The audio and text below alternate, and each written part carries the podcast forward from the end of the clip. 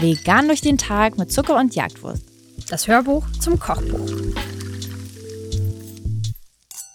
Hachi. Fällt mir da direkt ein.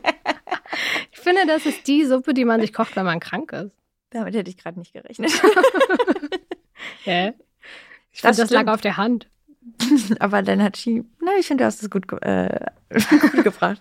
Ähm, ja, das haben wir uns, glaube ich, auch mal ausgedacht als Erkältungsessen. Dass man da eine Suppe isst, das ist ja naheliegend. Mhm. Aber ähm, wir haben versucht, alles reinzupacken, äh, was bei einer Erkältung helfen sollte. Und dann ist die Suppe aber so lecker geworden, dass wir sie, dass wir uns fast eine Erkältung wünschen. Wenn ich doch nur krank wäre, könnte ich diese Suppe essen. Ähm, da drin ist eigentlich alles, was euch hoffentlich hilft. Kurkuma. Es ist Chili drin, Schärfe immer gut, Mhm, macht die ja. Nasen frei. Ingwer, auch da, gute Schärfe. Mhm. Limettensaft, Minze, haben wir einiges auch an Vitaminen Das ist drin. wie so ein Tee. Ingwer-Minztee. Mm, Tee mit Reisnudeln.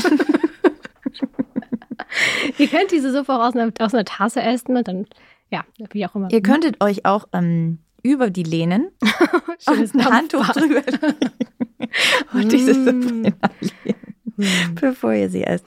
Probiert das doch alles mal aus. Aber Hauptsache, ihr habt eine Erkältung dabei. Das ist wichtig. Das bitte nicht machen.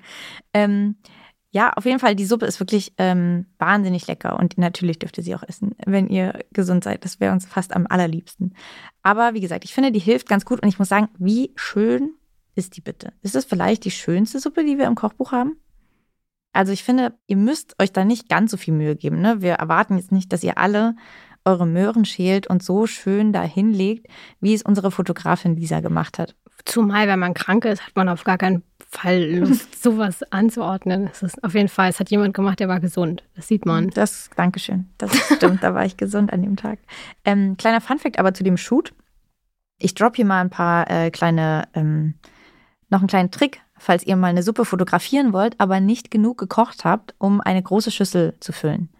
Für diesen Fall könnt ihr das Volumen der Schüssel verringern, indem ihr eine kleinere Schüssel umdreht, sodass sie sozusagen mit der Öffnung unten ist. Dadurch habt ihr sozusagen wie eine kleine Freifläche euch erarbeitet und könnt dann die restliche Suppe da drüber gießen. Funktioniert aber nur, spreche ich vielleicht aus Erfahrung von diesem Shoot, wenn dieses, also das muss natürlich so sein, dass das richtig gut abschließt, die kleinere Schüssel. Die muss richtig gut am Boden fest sein. Wenn sie nämlich, so wie bei uns bei diesem Shoot, auch nur ein kleines, einen kleinen Rand hat, dann wird die Suppe einfach trotzdem durchfließen.